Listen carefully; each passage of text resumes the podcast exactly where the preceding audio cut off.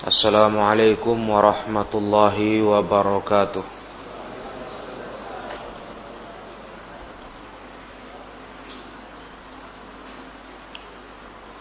Innal hamdalillah nahmaduhu wa nasta'inuhu wa nastaghfiruh wa na'udzu billahi min shururi anfusina wa min sayyiati a'malina من يهده الله فلا مضل له ومن يضلل فلا هادي له أشهد أن لا إله إلا الله وحده لا شريك له وأشهد أن محمدا عبده ورسوله يا أيها الذين آمنوا اتقوا الله حق تقاته ولا تموتن إلا وأنتم مسلمون يا أيها الناس اتقوا ربكم الذي خلقكم من نفس واحدة وخلق منها زوجها وبث منهما رجالا كثيرا ونساء واتقوا الله الذي تساءلون به والأرحام إن الله كان عليكم رقيباً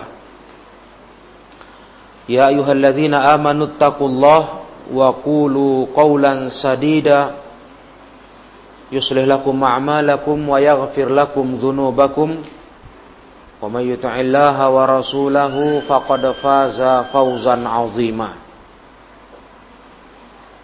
فإن أصدق الحديث كتاب الله وخير الهدى هدى محمد صلى الله عليه وسلم وشر الأمور محدثاتها فإن كل محدثة بدعة وكل بدعة ضلالة وكل ضلالة في النار أما بعد Para jemaah yang dirahmati Allah Kita masih melanjutkan bab sifat hajinya Nabi Muhammad sallallahu alaihi wasallam.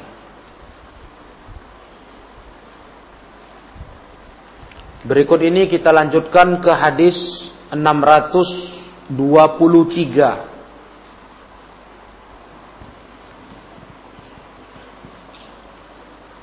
Wa an Aisyah radhiyallahu anha dari Ummul Mukminin Aisyah semoga Allah meridai beliau. Beliau menceritakan anna Nabiya sallallahu alaihi wasallam lamma jaa ila Makkah dakhalaha min a'laha.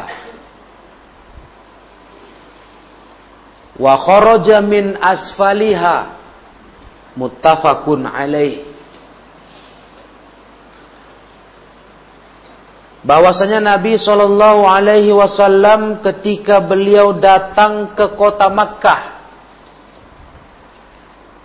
datang dari Madinah,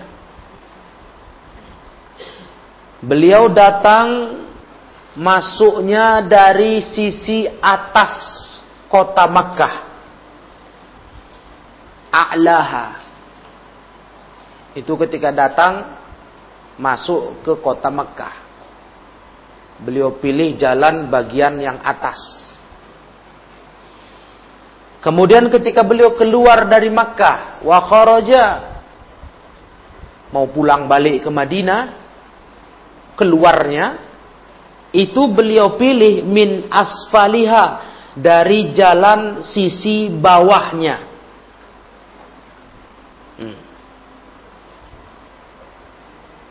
Itu yang dibuat Rasulullah Shallallahu Alaihi Wasallam. Jadi perhatian para sahabat beliau, termasuk sang istri Ummul Mukminin Aisyah radhiyallahu taala anha. Ya, para jemaah yang dimuliakan Allah, kenapa Rasul seperti itu? Lain jalan masuknya, lain jalan keluar ketika datang ke kota Makkah. Ini menurut para ulama Sebagaimana diceritakan Al-Imam Ibnu Hajar di kitabnya Fathul Bari. Para ulama berselisih. Kenapa Nabi memilih jalan berbeda masuk keluar dari kota Madinah, dari kota Mekah? Lain masuknya, lain keluarnya. Ada pendapat mengatakan untuk mencari berkah dari kedua jalan itu agar mendapatkan keberkahan masing-masingnya. Ada yang seperti itu. Ada pula yang berpendapat karena itu amalan Nabi Ibrahim alaihi salam. Rasulullah tahu dapat bimbingan wahyu. Beliau pun berusaha meneladani Nabiullah Ibrahim alaihi salatu wassalam. Dan ada pendapat-pendapat lain yang menceritakan hikmah kenapa Nabi berbeda jalan saat masuk dan keluar kota Makkah. Wallahu alam itu pendapat para ulama. Sehingga menurut pensyarah kitab Bulughul Maram Kata beliau apa? Kalau menurut beliau bisa jadi jalan masuk jalan keluar itu dipilih Nabi berbeda karena asmah lahu. Ya sekedar bukan mau cari keutamaan, cuma itu yang lebih gampang saja. Jadi dasarnya para ikhwah bukan adanya keutamaan afdoliyah, tidak. Tapi hanya faktor mana yang lebih mudah aksesnya. Kenapa ini perlu kita ungkapkan para ikhwah? Karena ada dari perjalanan Nabi ketika beliau berhaji yang menurut para ulama itu tidak menunjukkan sebuah tuntunan manasik yang sepatutnya ditiru umat Islam. Ada poin para ikhwah di kajian yang lalu saya bicarakan mengenai tanggal 8 hari Tarwiyah. 8 Zulhijjah. Itu begitu keras ulama menekankan. Amalan itu harus pantas betul terus dihidupkan oleh jemaah haji. Tanggal 8 itu ke Mina. Bukan karena dulu alasannya itu persiapan untuk perbekalan air minum menuju Arafah. Kalau sekarang kan sudah lengkap kebutuhan itu. Bukan masalah faktor itu kata ulama. Tapi di situ ada sunnah pengamalan ibadah-ibadah yang sepatutnya tanggal 8 itu di Mina, bukan di Arafah. Itulah solat-solat lima waktu sampai solat subuh sampai terbit matahari baru bergerak menuju Arafah. Ada orang beralasan, para ikhwan. Ya kalau betul mau kayak Nabi semuanya, jangan hanya itu saja disuruh kita seperti Nabi tanggal 8 itu. Bergerak dari Mekah ke Mina, bukan ke Arafah. Nah, kenapa ini pun tidak diamalkan? Metode masuk keluar dari Mekah. Itu ada muncul pendapat atau omongan seperti itu. Tapi kalian betul cerita mau persis Nabi dalam metode perjalanannya, ibadah hajinya. Nah kenapa nggak kalian pastikan kalian masuk dari bagian atas kota Mekah, nanti pulang dari bawah? Karena zaman sekarang ya, para ikhwah, kondisi ini tidak mungkin dikerjakan jemaah haji. Karena kedatangan kita dari Madinah ke Mekah, ya, dari Madinah ke Mekah, itu tidak bisa kita menentukan mau dari mana masuk. Sebab rutenya sudah ada. Sudah ada rutenya. Kalau nggak akan terjadi kekacauan kendaraan. Dengan kendaraan bus dari Madinah bagi jemaah haji ke Mekah itu ada rute. Jadi nggak bisa ada pilihan. Kita mau lewat atas bawah, nggak bisa. Nah, ada orang mengatakan, ah, itu pun harusnya dibuat usahakan lewat atas. Itu pentingnya ikhwah tahu ini. pada poin masuk keluar ini ternyata menurut para ulama itu faktor mana yang lebih mudah aksesnya saja. Asmah lahu inda duhul wal khuruj. Mana yang lebih gampang saja. Nabi waktu datang mudah akses masuknya dari atas. Posisi atas kota Mekah. Pulangnya dari bawah. Cuma sekedar itu. Jadi bukan menunjukkan afdoliyah, keutamaan. Beda dengan kita tanggal 8 itu ke Mina. Nih, ini pentingnya ikhwah membahas masalah ini dengan keterangan para ulama. Maka ulama nggak ada yang mencantumkan dituntunkan bagi jemaah haji untuk akses masuk kota Mekah seperti yang Nabi pernah jalani. Tidak. Sebab di situ urusannya bukan mengandung afdoliyah, keutamaan. Tidak sama sekali para ikhwah. Melainkan itu adalah sebuah kemudahan saja yang Nabi rasa ya untuk masuk kota Mekah itu lewat akses bagian atas kota Mekah. Nanti pulangnya dari bawah. Ya, itu saja. Tidak ada yang lainnya. Nah, sehingga janganlah orang terus mau menganggap hal yang sama dalam sebuah tuntunan tanggal 8 itu sudah bergerak ke Mina. Beda. Beda, ya. Kalau kita bergerak tanggal 8 itu ke Arafah, ya, walaupun saya tegaskan dulu supaya tidak ada kesalahpahaman. Memang ini bukan syarat haji ya. Andai kata memang jemaah Indonesia sebagaimana yang sudah berjalan bertahun-tahun dari Mekah tanggal 8 langsung ke Arafah, hajinya tidak masalah. Cuma terlewatkan sebuah keutamaan amal Nabi SAW. Itu saja. Jadi kita tidak pula berlebihan, terus menganggap hajinya rusak. Tidak. Hanya sayang, disayangkan, hamalan yang mudahnya diamalkan. Gampang. Bagian daripada amalan Nabi dalam berhaji, ya, itu kan sudah masuk ritual haji. Sudah tanggal-tanggal haji itu. Nah, beda waktu masuk masuk Rasul masuk keluar Mekah belum. Nah, sayang kalau nggak lengkap meneladani Nabi dalam perjalanan hajinya. Jadi hanya faktor itu. Nah, nah para jemaah yang mulia, ketika kita tanggal 8 adalah hal yang mudah insya Allah. Kalau kita langsung tanggal 8 ke Arafah, sebagaimana kondisi yang kita lihat jemaah haji Indonesia, tentu lewatlah amalan Nabi tanggal 8 itu sholat lima waktunya di Mina. Di situ zuhur, di situ asar, di situ isya, maghrib sampai subuh.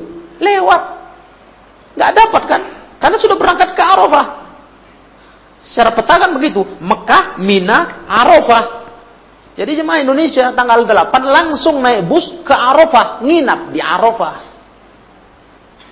Kan jadi lewat. Terlewatkan. Itu yang kita sayangkan. Bukan kita pun berlebihan menganggap hajinya tak betul kurang pahala, tidak. Cuma kita hanya berusaha mengajak masyarakat, itu pun kalau yang tak punya halangan. Kajian lalu saya sudah ceritakan halangan yang biasa ada pada jemaah adalah membawa anggota keluarga yang lansia, lanjut usia.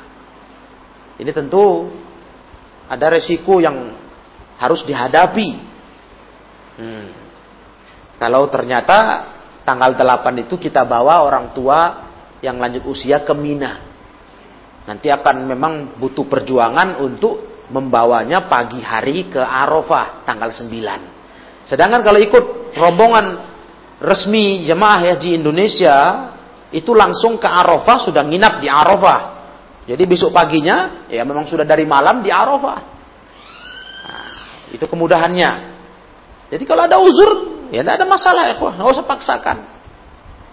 Nah, tapi kalau nggak ada uzur, saya katakan pada kajian yang lalu, alangkah sayangnya kalau mudahnya kita mengamalkan amalan Nabi SAW di tanggal 8 itu kita ke Mina, kenapa tidak?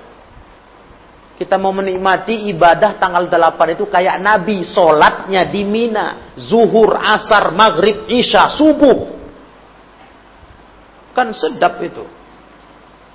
Baru kita pagi harinya, terang matahari, terbit kita bergerak ke Arafah. Dan para jemaah yang mulia, Alhamdulillah. Sedikit pun tak ada meleset. Jamaah haji yang ke Mina, mereka ketinggalan wukuf di Arafah. Karena jarak yang tidak jauh ditambah waktu yang panjang. Aman insya Allah. Sampai. Jangankan pakai kendaraan, jalan kaki sampai. Nah, itu saja yang perlu saya tegaskan. Dan jangan berdalih dengan amalan ini. Nah, kenapa ini pun tidak diikuti, tidak diamalkan? Karena ini masalahnya para jemaah yang dimuliakan Allah. Dengan bimbingan ulama pula lah kita berani berkata amalan ini fala tataqayyad al afdoliyah fi dzalik kata ulama. Enggak terkait masalah keutamaan. Metode masuk ke Mekah, keluar Mekah itu enggak terkait keutamaan. Makanya enggak ada ulama sedikit pun menyinggung itu dalam kitab-kitab haji. Enggak ada. Dalam bab manasik haji mereka nggak singgung itu. Tapi kalau tanggal 8 hari Tarwiyah mereka singgung ke Mina. Nah, maka sekarang para jemaah yang mulia, orang haji ya sudah ikut rombongan, masuknya ikut yang dibawa oleh rombongannya. Nanti pulang keluar dari Mekah pun begitu. Nah, karena nggak mungkin kita untuk menentukan jalan sendiri. Ditambah memang hal itu bukan merupakan keutamaan yang bisa dikejar atau yang mesti diraih, tidak. Ini untuk ikhwas siapkan jawaban. Kadang-kadang begitulah kita hadapi dalam menyampaikan ilmu. Ada penentangan yang memang itu wajar saja. Iya, orang mau bertanya atau orang mau adu argumentasi boleh. Dan kita sampaikan apa yang kita tahu dengan keterangan dari para ulama. Nah, Nah begitu pula ikhwan fiddin yang dimuliakan Allah. Hadis berikutnya. Sama ini masalahnya. Hadis 624. Wa ani bin Umar radhiyallahu anha. Annahu kana la yakdumu Makkah illa bata bizi tuan hatta yusbiha wa yaghtasil. Wa yadhkuru dhalika anin Nabi sallallahu alaihi wasallam muttafaqun alaih. Sama macam hadis sebelumnya. Amalan yang tidak menunjukkan keutamaan khusus. Ya, amalan berikut ini. Yaitu apa? Dari sahabat Ibnu Umar semoga Allah meridai keduanya, beliau beliau Ibnu Umar itu tidak mau masuk datang ke kota Mekah. Gak mau dia masuk kecuali dia tidur di Zituan. Zituan itu nama tempat. Ya. Satu tempat di pintu masuk kota Mekah, kata Imam Nawawi. Sekarang dikenal dengan nama Abar Zahira. Abar Zahir. Ibnu Umar nggak mau masuk kecuali nginap dulu semalam di situ sampai subuh baru mandi. Nah, setelah itu baru masuk kota Mekah. Kenapa Ibnu Umar buat begitu? Disebutkan karena beliau meniru Nabi Wasallam dan Ibnu Umar dikenal satu sahabat yang paling mirip amalannya dengan Rasulullah Sallallahu Alaihi Wasallam. Nah ini pun hadis Bukhari Muslim.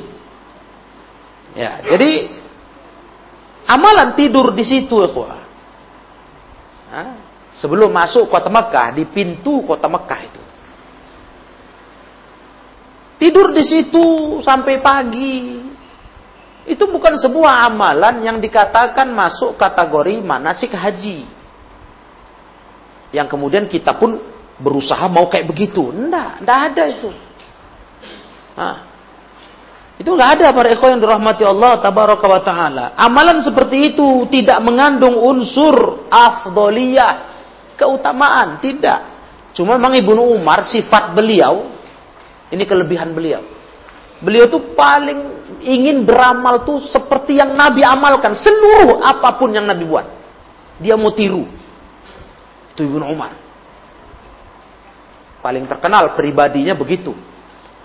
Nah, nah ketika masa itu perbuatan Nabi SAW ingin semua ditiru beliau sampai dalam satu riwayat kalau Nabi berhenti satu tempat diperhatikan beliau. Besok beliau berhenti lagi ketika beliau kesempatan ke situ, diikutinya Nabi buat apa di situ? Satu riwayat Nabi pernah mutar tempat itu diputar oleh ontanya, tunggangannya. Ah, Ibnu Umar waktu kesempatan berikutnya datang ke situ, ikut buat itu. Satu amalan yang bahkan bukan sunnah, tapi beliau begitulah orangnya. Karakter Ibnu Umar itu sangat ingin meniru Rasulullah SAW. Semua gerak-gerik Nabi ditiru. Itu keistimewaan Abdullah ibnu Umar radhiyallahu taala anhumah. Namun amalan ini para ikhwah bukan merupakan manasik haji. Nah, jadi jangan ini dibawakan untuk kasus tanggal 8 Zulhijjah ke Mina. Beda. Itu kata para ulama. Ya. Ditambah lagi Ibnu Umar karena Nabi SAW menurut beliau tidur di pintu tadi Zituan Mau masuk Mekah besoknya mandi dulu beliau. Ikhtasala. Beliau mandi juga menurut yang beliau tengok dari amal Nabi. Nah, makanya ulama berkata apa? Mengkhususkan mandi di sumur itu, waktu itu ada sumur di situ, itu begitu pula tidur di situ, itu bukan masalah yang afdolnya begitu, bukan. Bukan itu. Tapi masalahnya para ikhwah itu kembali kepada apa? kepada kebetulan saja itu rute Nabi waktu lewat masuk Mekah. Kebetulan sampai situ Nabi mau nginap dulu semalam, istirahat. Pagi-pagi mandi, ada sumur di situ, baru masuk Mekah. Itu kembalinya kepada perjalanan saja yang memang kebetulan begitulah rute Nabi. Jadi bukan mengandung keutamaan. Nah, makanya para ikhwah, kalau kita perhatikan kitab-kitab manasik haji dari para ulama, itu nggak disinggung. Praktek itu nggak masuk kategori tuntunan manasik haji Rasulullah Shallallahu Alaihi Wasallam. Sehingga kita ikhwah tidak bisa dikatakan hanya mengambil yang menurut selera. Karena ada orang akan berkata begitu. Kalian pilih-pilih Mana yang mau kalian, kalian bilang ini yang harus dibuat. Padahal ada lagi amal Nabi waktu masuk kota Mekah, kalian abaikan untuk menirunya. Enggak begitu, Ya, sekali lagi saya katakan inilah pentingnya merujuk kepada ulama memahami riwayat-riwayat dari Nabi Shallallahu Alaihi Wasallam. Kalau hadis kita bukalah kitab syarah Hah, kitab syarah hadis kan lengkap. Riwayat siapa? Bukhari Muslim. Kita buka kitab syarahnya. Kita lihat bagaimana kata Imam Ibnu Hajar al-Asqalani di Fathul Bari. Kita lihat kata Imam Nawawi di Syarah Sahih Muslim. Mereka berhak untuk jadi rujukan. Jadi kita nggak dibingungkan dengan riwayat yang bisa diambil kesimpulan-kesimpulan yang tidak sepantasnya disimpulkan begitu. Nah, inilah inti daripada manhaj salaf. Mengajak umat kembali memahami agama dengan pemahaman salafus salih para ulama-ulama yang terdahulu dari generasi umat Islam. Nah, dan di sini ada satu hal yang harus malah kita perhatikan. Nah, ini dia. Apa itu? Keseriusan perhatian para sahabat Nabi dengan amal Nabi Sallallahu. Walaupun yang babnya pada dasarnya bukan mengandung keutamaan, yang kemudian umat ini dituntunkan meniru, tidak seperti masuk keluar Mekah tadi dari atas dari bawah, singgah di pintu kota Mekah, Zituan, Hah? Mandi tidur di situ semalam baru mandi besok baru masuk kota Mekah. Konfident yang jadi sorotan kita masalah kita mau amalkan itu karena itu nggak mengandung keutamaan. Tapi kita memperhatikan keseriusan sahabat memperhatikan amalan Nabi. Besar betul perhatian mereka kepada amalan Nabi. Sampai mereka ceritakan. Walaupun bukan bentuk anjuran ditiru bukan. Mereka ceritakan kayak Aisyah tadi Beliau kan cerita bagaimana Nabi SAW masuk kota Mekah dari atas keluar dari bawah. Jadi kan disoroti betul amal Nabi oleh mereka. Perhatian betul mereka dengan gerak-gerik Nabi. Itulah para sahabat. Ya, ini yang mestinya di umat Islam cara begini ini memandang Nabi itu ada. Soal beragama, para jemaah yang saya muliakan. Soal beragama, itu kita nggak bisa lepas. Kalau betul kita ini umat yang mengaku cinta Nabi. Untuk betul perhatian kayak Nabi. Nggak bisa tidak. Maka kita dengan cara pikir seperti itu akan menjadi orang-orang yang senantiasa ingin meniru Nabi Muhammad SAW.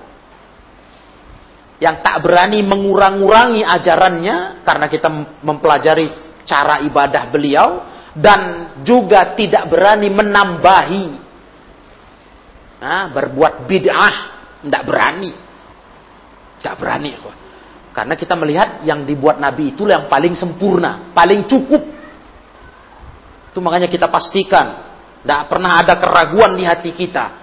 Semua amal baru atas nama agama itu dolalah, sesat. Tidak ada yang hasanah, baik, tidak ada. Karena kalau ada yang baik, kenapa Nabi nggak melakukannya? Berarti udah aneh itu. Guru segala kebaikan bagi umat Islam ini Rasulullah Sallallahu Alaihi Wasallam. Kok nggak mengamalkannya? Kok tahu-tahu umat mengamalkannya dan melabelinya dengan nama kata baik? Aneh nggak? Aneh lah harusnya pakai nalar sehat saja. Unik itu. Gimana mungkin ya? Guru yang mengajarkan kebaikan nggak ngamalkan. Kita bilang ini baik. Nah, ini yang maunya kita angkat lagi di hati umat.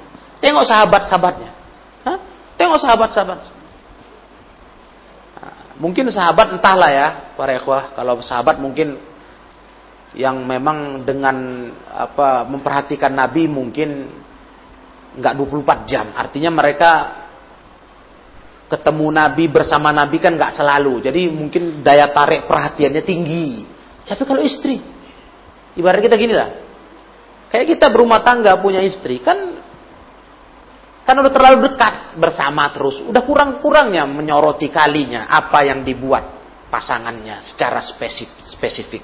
Iya kan? Artinya udah biasa. Mau suami begini, mau istri begini. Udah biasa. Tapi tidak bagi istri beliau sallallahu alaihi wasallam. Karena istrinya tahu ini suamiku, nabi utusan Allah. Makanya diceritakannya, oh nabi itu masuk Mekah begini. Bayangkan tuh. Istri yang sudah sudah istilah udah biasanya nengok suami. Tetap berhubung Nabi adalah utusan Allah, bukan cuma suaminya. Ummul Mukminin Aisyah menyoroti betul gerak-gerik suaminya. Sampai beliau ceritakan di hadis Bukhari Muslim, Rasulullah itu masuk kota Mekah dari bagian atas, keluar pulang dari bagian bawah. Subhanallah. Nah ini, ini yang pantas diangkat di umat peduli dengan Nabi dalam beramal. Nah, melihat Nabi, mengkaji sirah Nabi, sunnah Nabi untuk diamalkan. Mana yang betul sunnah afdol diamalkan. Ada yang masalah perjalanan Nabi seperti tadi diketahui saja. Oh begitu Nabi dulu. Jadi ketika kita berangkat ke tanah suci, ada ilmu kita tentang itu terbayang kita lah Nabi Shallallahu Alaihi Wasallam waktu masuk kota Mekah. Nah, Bagaimana Nabi waktu itu pilih jalan mana, pulang dari mana, sampai amalan Ibnu Umar yang juga para ikhwah meniru Nabi Muhammad sallallahu alaihi wasallam. Ya.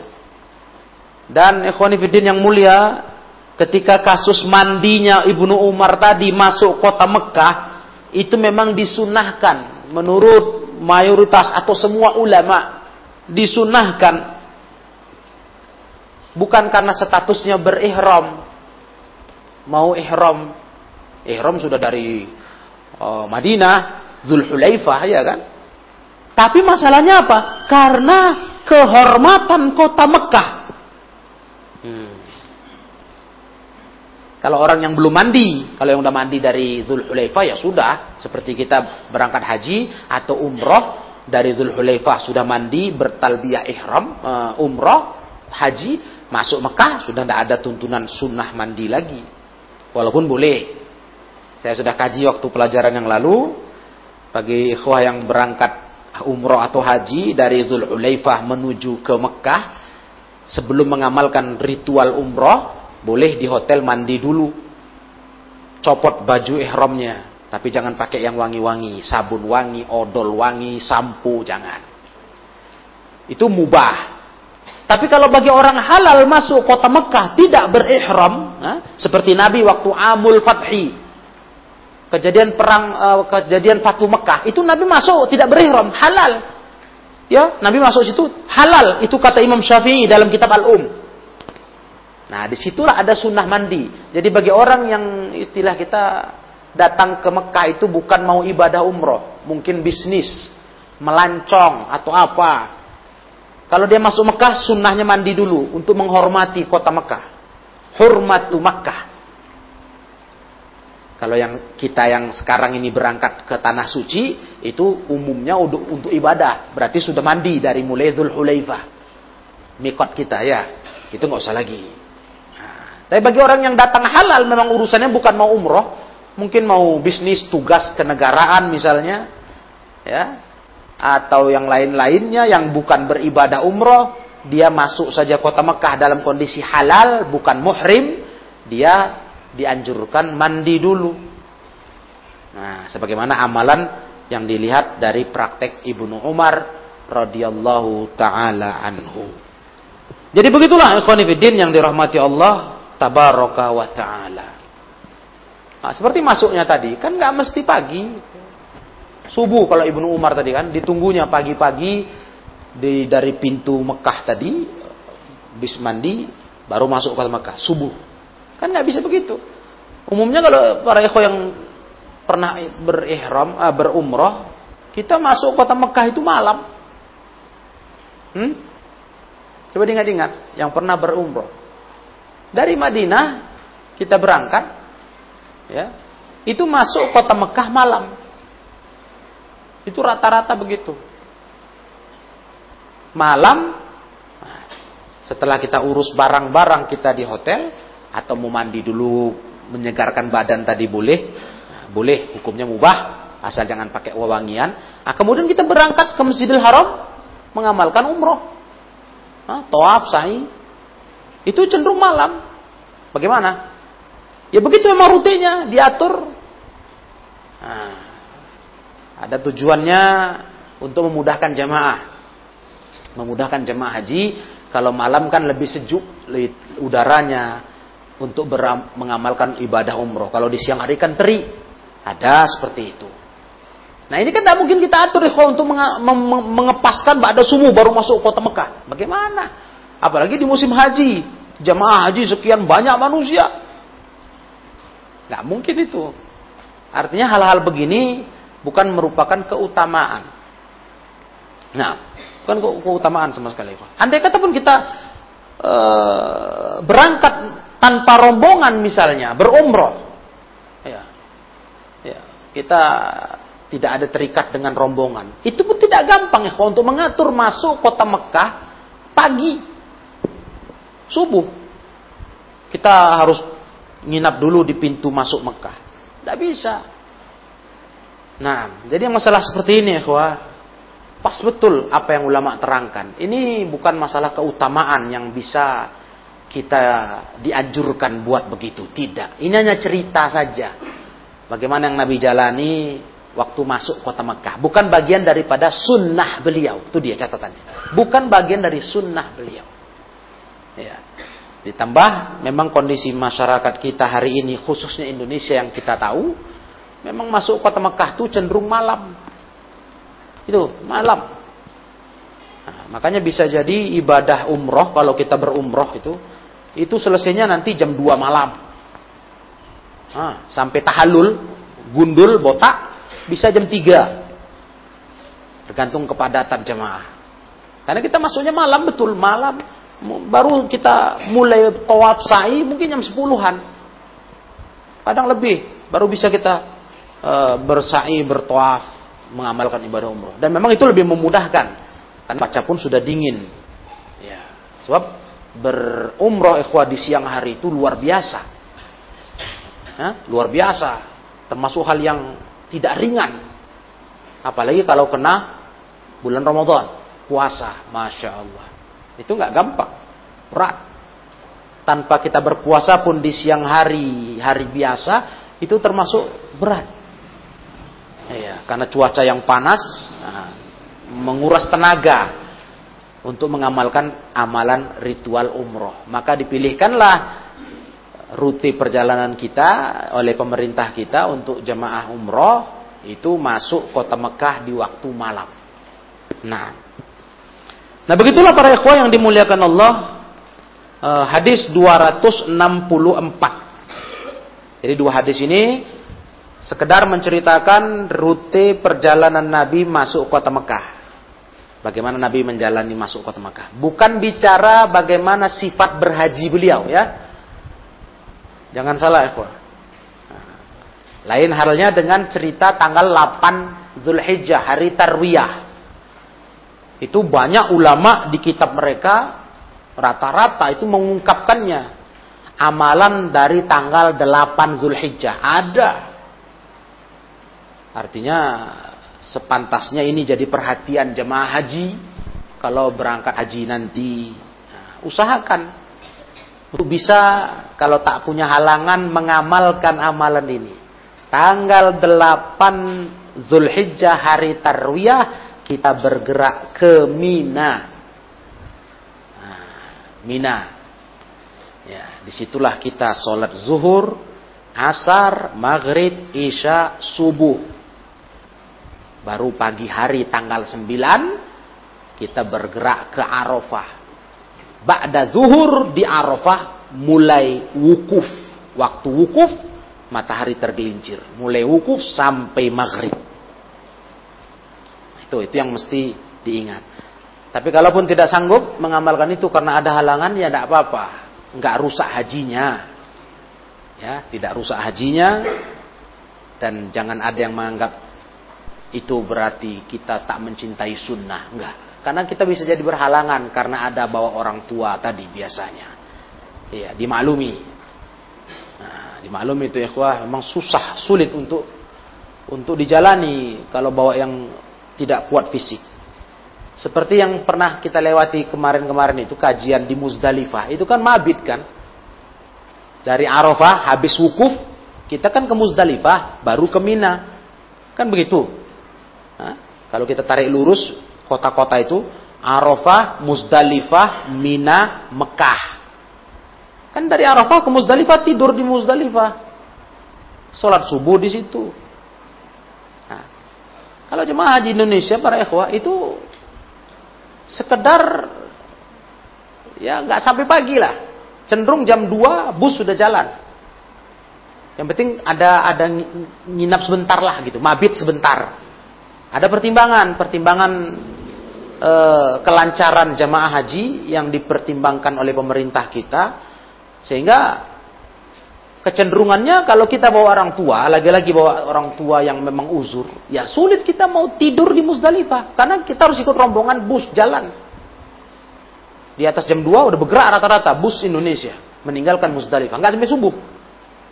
Ngejarkan ke Mina. Nah, ini kan sunnah yang ditinggalkan nginap di Musdalifah. Tapi kalau uzurnya, ulama berkata dalam fatwa hajinya Syekh bin Bas dan para ulama lain, boleh. Bagaimana mungkin mau dipaksakan? Iya. Kita punya tanggung jawab bawa orang tua atau orang-orang yang kita mahromi. Kita tanggung jawab. Nggak mungkin kita tinggalkan mereka di bus dibawa ke Mina, kita berhenti di Musdalifah. Nah, udah. Jalan bus itu kita pisah rombongan demi ngejar tidur di Musdalifah. Nah ini bagaimana ngurus orang tua kita? Nah ini para ikhwan. Ini uzur. Ulama bolehkan. Nah, al-masyaqqatu tajlibut taisir. Itu kaidahnya. Kesulitan itu menarik kemudahan. Karena sulitnya memang nyata, bukan disulit-sulitkan, dirasa-rasa sulit. Memang sulit. Kita tarik orang tua kita turun dari bus nginap di Musdalifah, lah besok paginya nggak gampang bawa beliau jalan untuk ke Mina. Karena sudah lansia. Bus sudah nggak ada lagi. Bus jam 2 ke atas sudah bergerak ke Mina. Berarti harus jalan. Nah, kan kasihan kalau orang tua yang sudah lansia. Nggak bisa dipaksa itu ikhwah. Maka beberapa jemaah haji ikhwah-ikhwah yang bertanya, tentang hal ini saya bimbing. Nah, jangan dipaksa. Sudah, ikut bus saja, kawal terus orang tua. Nah, bisa tidak. Dan itu memang ada fatwa dari para ulama. Nah, nah kita lanjutkan ke hadis 625. Wa an ibni Abbas radhiyallahu anhuma annahu kana yuqabbilul hajaral aswada wa yasjudu alaihi rawahul hakim marfu'an wal baihaqi mauqufan dan dari Ibnu Abbas, semoga Allah meridhai keduanya, bahwasanya beliau mencium Hajarul Aswad. Mencium Hajarul Aswad dan sujud kepadanya. Perhatikan kalimat ini. Sujud kepadanya. Kepada Hajarul Aswad. Hadis ini riwayat Al-Hakim secara marfu sampai ke Nabi. Adapun Imam Al-Baihaqi meriwayatkannya secara mauquf hanya sampai kepada Ibnu Abbas. Berarti amalan ini amal Ibnu Abbas kalau riwayat Baihaqi. Kalau riwayat uh, Al-Hakim ini amalan sampai kepada Nabi. Nah, hadis ini para ikhwah ternyata hadis ini hadis yang doif.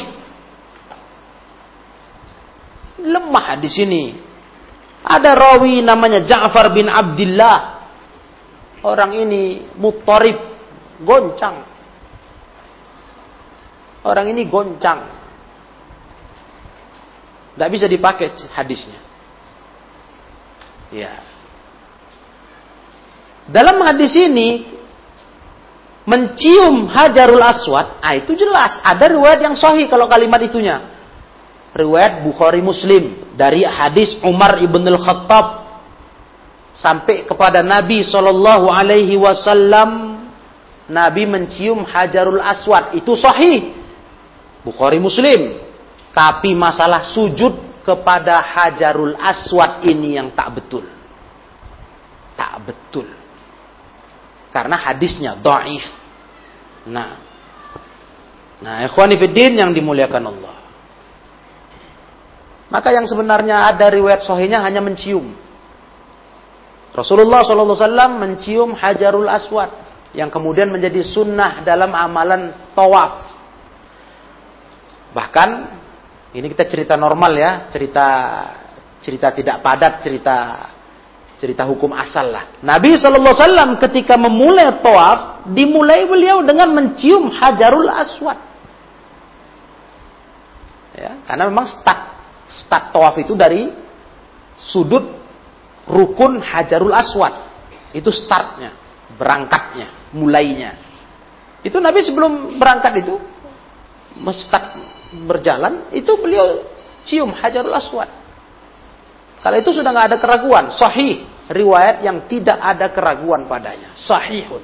Bukhari Muslim. Nah, dan kita dalam masalah tawaf ini pun ikhwani fiddin yang dimuliakan Allah, kita tahu memang begitulah sunnahnya. Kalau dapat, kalau bisa.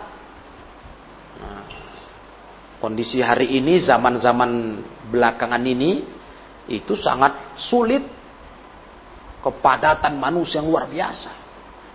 Nah, ya di masa sebelum wabah-wabah sekarang itu. Kalau sekarang ini malah sudah dipagari, dipugar, mendekat pun tidak bisa. Sebelum wabah ini masih bisa kita mendekat, tapi sulit manusia berjubel di situ. Nah, ada dua tempat yang disunahkan para ekor yang mulia menciumnya. Kalau hajar aswad disunah kita mencium langsung.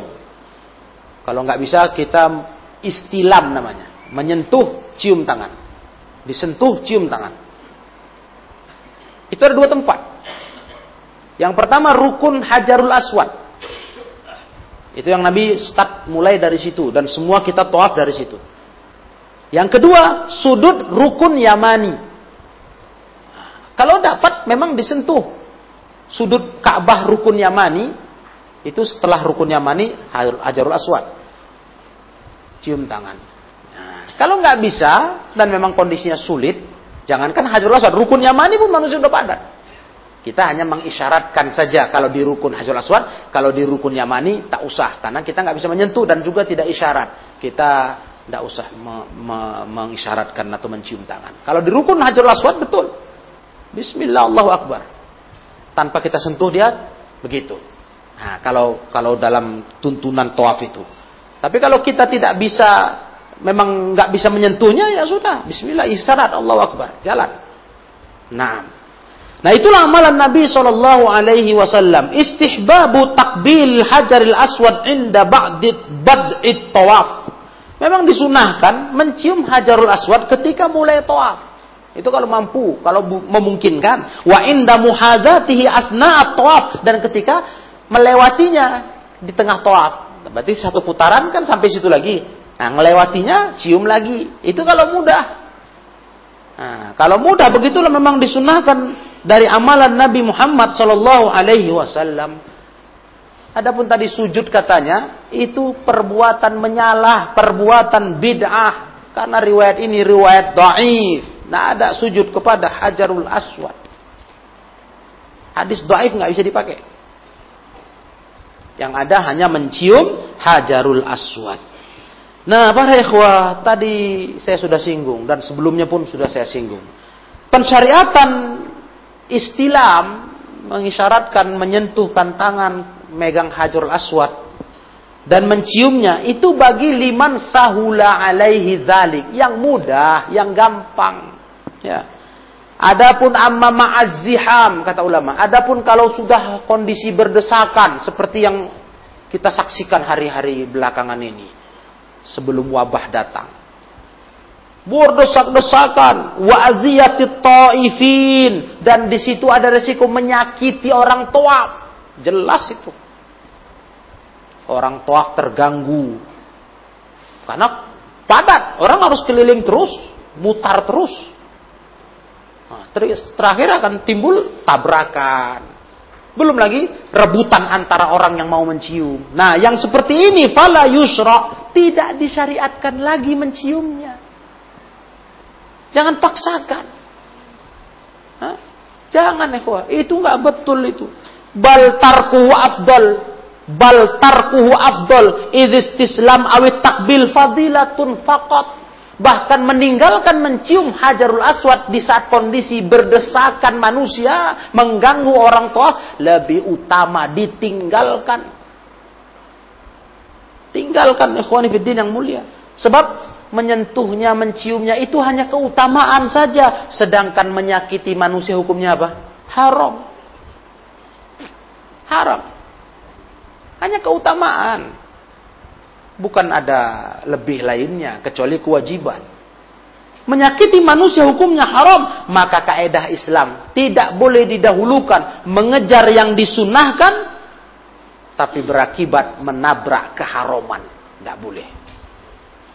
Atau istilah kaidah usul fikihnya darul mafasid muqaddamun ala jalbil masalih. Menolak kerusakan lebih diprioritaskan daripada mengambil menarik kemanfaatan. Ada manfaat menciumnya, ada, itu keutamaan. Tapi ada kerusakan untuk ditolak yang harus lebih diprioritaskan. Yaitu apa? Menolak, menghindari, menyakiti umat Islam. Dan di situ para ikhwah jujur kita katakan. Akan timbullah perkara menyakiti sesama. Karena rebutan. Rebutan. Antar jemaah dari berbagai negara berusaha bisa mencium Hajarul Aswad. Nah. Jadi suasananya sangat nggak sehat sekali. Ya, memang kalau dituruti perasaan ya. Nah, istilah orang begini, udah jauh-jauh datang ke tanah suci. Keluar biaya besar beribadah. Kok rasanya nggak sempurna nggak lego hati, nggak sempat nyium Hajarul Aswad. Perasaan kan begitu. Jauh loh kemari katanya. Entah bisa diulang lagi, entah enggak. Hajarul Aswad depan mata, kok nggak dapat ku cium? Nah, itulah perasaan. Tapi kalau pakai ilmu, ikhwah, itu kita abaikan. Kita lebih mendahulukan meninggalkan menyakiti sesama umat Islam yang itu akan beresiko. Sikut-sikutan, beresiko menyakiti. Beresiko. tolak-tolakan. Masya Allah, luar biasa ikhwah. Ah, luar biasa. Jadi kita lebih mendahulukan itu dengan bimbingan ulama daripada mengejarkan mencium hajarul aswad. Jadi kalaupun kepengen kali katanya, ya silahkan coba cari waktu-waktu yang dirasa lapang. Mana tahu dapat lapang, ya kan? Cari ya, carilah. Katanya dulu dulu tengah malam sepi ya, kak tahun berapa? Sekarang, Hah? sebelum wabah ini ya, wah antum mau jam berapa mendatang ke Ka'bah tawaf, nggak ada sepinya. Ya dulu bisa lah. Zaman-zaman orang jarang berangkat haji umroh, ya bisa dapat. Bisa orang sekali umroh itu tawaf dia karena tawaf itu amalan sunnah, pengganti sholat sunat. Itu bisa berulang kali dia mencium hajar aswad. Tapi tahun berapa? Nah, setelah itu sulah, sulit, susah itu, betul susah.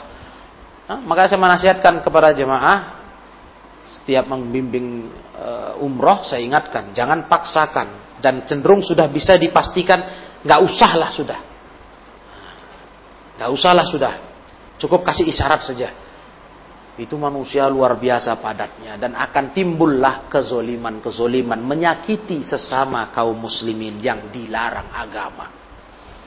Ya. Nanti akan ketemu lagi kata beliau hadis tentang masalah Hajarul Aswad insyaallah uh, hadis yang dari Ibnu uh, Umar bin Khattab itu Bukhari Muslim ada maka kalau menciumnya ada tuh sunnahnya memang, ada tuntunannya, utama, keutamaan ada. Nah, tapi masalah sujud nggak ada. Jadi nggak pantas kita meyakini hadis ini untuk berbuat yang sama, sujud kepada Hajarul Aswad. Ditambah itu bid'ah nggak ada tuntunannya, nggak betul riwayatnya, dan itu bukan gampang, ya bisa dibilang mustahil hari ini dibuat.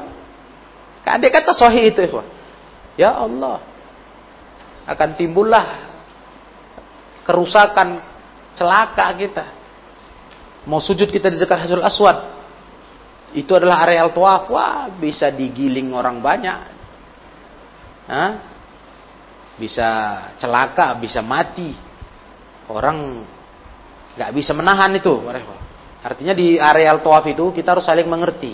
Kalaupun ada orang tahu-tahu mendorong kita menolak kita. Ya, jangan emosi, jangan marah, sabar. Kenapa? Karena di belakang dia pun begitu. Hah? Kalau ada kejadian di depan kita, ikhwah, ya, ada kejadian di depan kita. Kita susah untuk bisa berhenti menghalau orang supaya jangan lanjut karena di belakang nggak ngerti di depan ada apa tahu mereka jalan terus nah, itulah bisa timbulnya yang merusakkan tadi.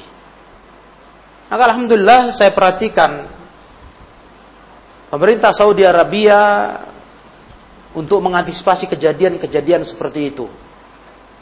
Adanya orang terpijak-pijak karena terjatuh. Karena putaran itu nggak bisa di stop.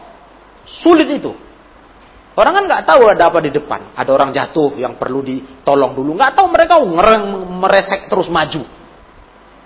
Akhirnya pemerintah Saudi Arabia sekarang menugaskan petugas-petugas yang lebih banyak di areal Toaf. Untuk mengantisipasi itu. Seperti pernah saya alami langsung, salah satu jemaah umroh pingsan di areal Toaf.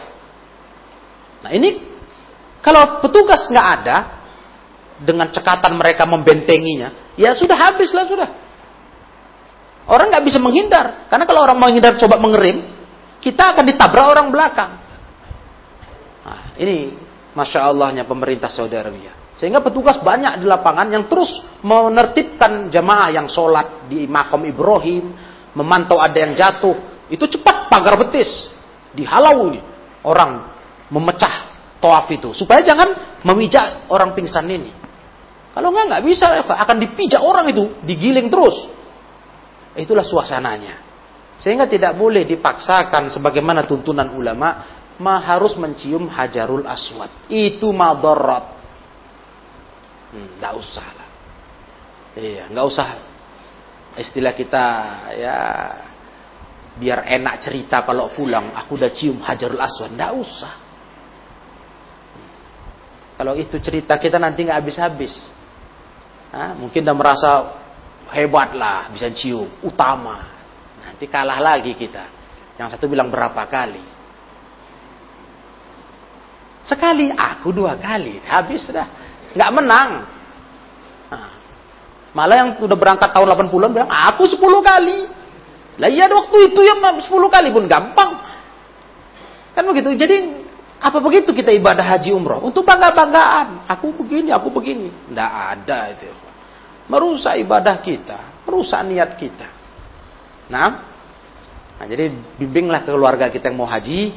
Mudah-mudahan tahun depan bisa haji. Normal sudah. Nasihatkan. Masalah hajar aswad. Jangan paksakan, hindarilah. Karena pasti berdesakan. Iya itu kalau udah dibuka. Dibuka pagarnya. Udah normal lah kondisi tanah suci. Kalau masih seperti sekarang, kalaupun ada izin haji dan umroh nggak bisa mendekat. Areal tawaf itu dipagari orang tawaf nggak bisa merapat ke dinding Ka'bah berjarak. Jadi udah sangat nggak mungkin untuk mencium Hajarul Aswad. Siapa pun juga dipagar keliling. Nah, nah demikianlah kaum muslimin yang saya muliakan. Tiga hadis ya untuk malam hari ini 626 yang sudah kita tambahkan dari pelajaran Kitabul Haji ya, sifat masuk e, ibadah haji ya. Tahun pelajaran malam Jumat depan hadis 626 insya Allah masalah cara toaf bagaimana cara toaf yang sunnah nah, seperti tuntunan Rasulullah Sallallahu Alaihi Wasallam. Nah, amilahuna kita cukupkan Wallahu alam bissawab. Wa akhiru da'wana anil hamdulillahi rabbil alamin.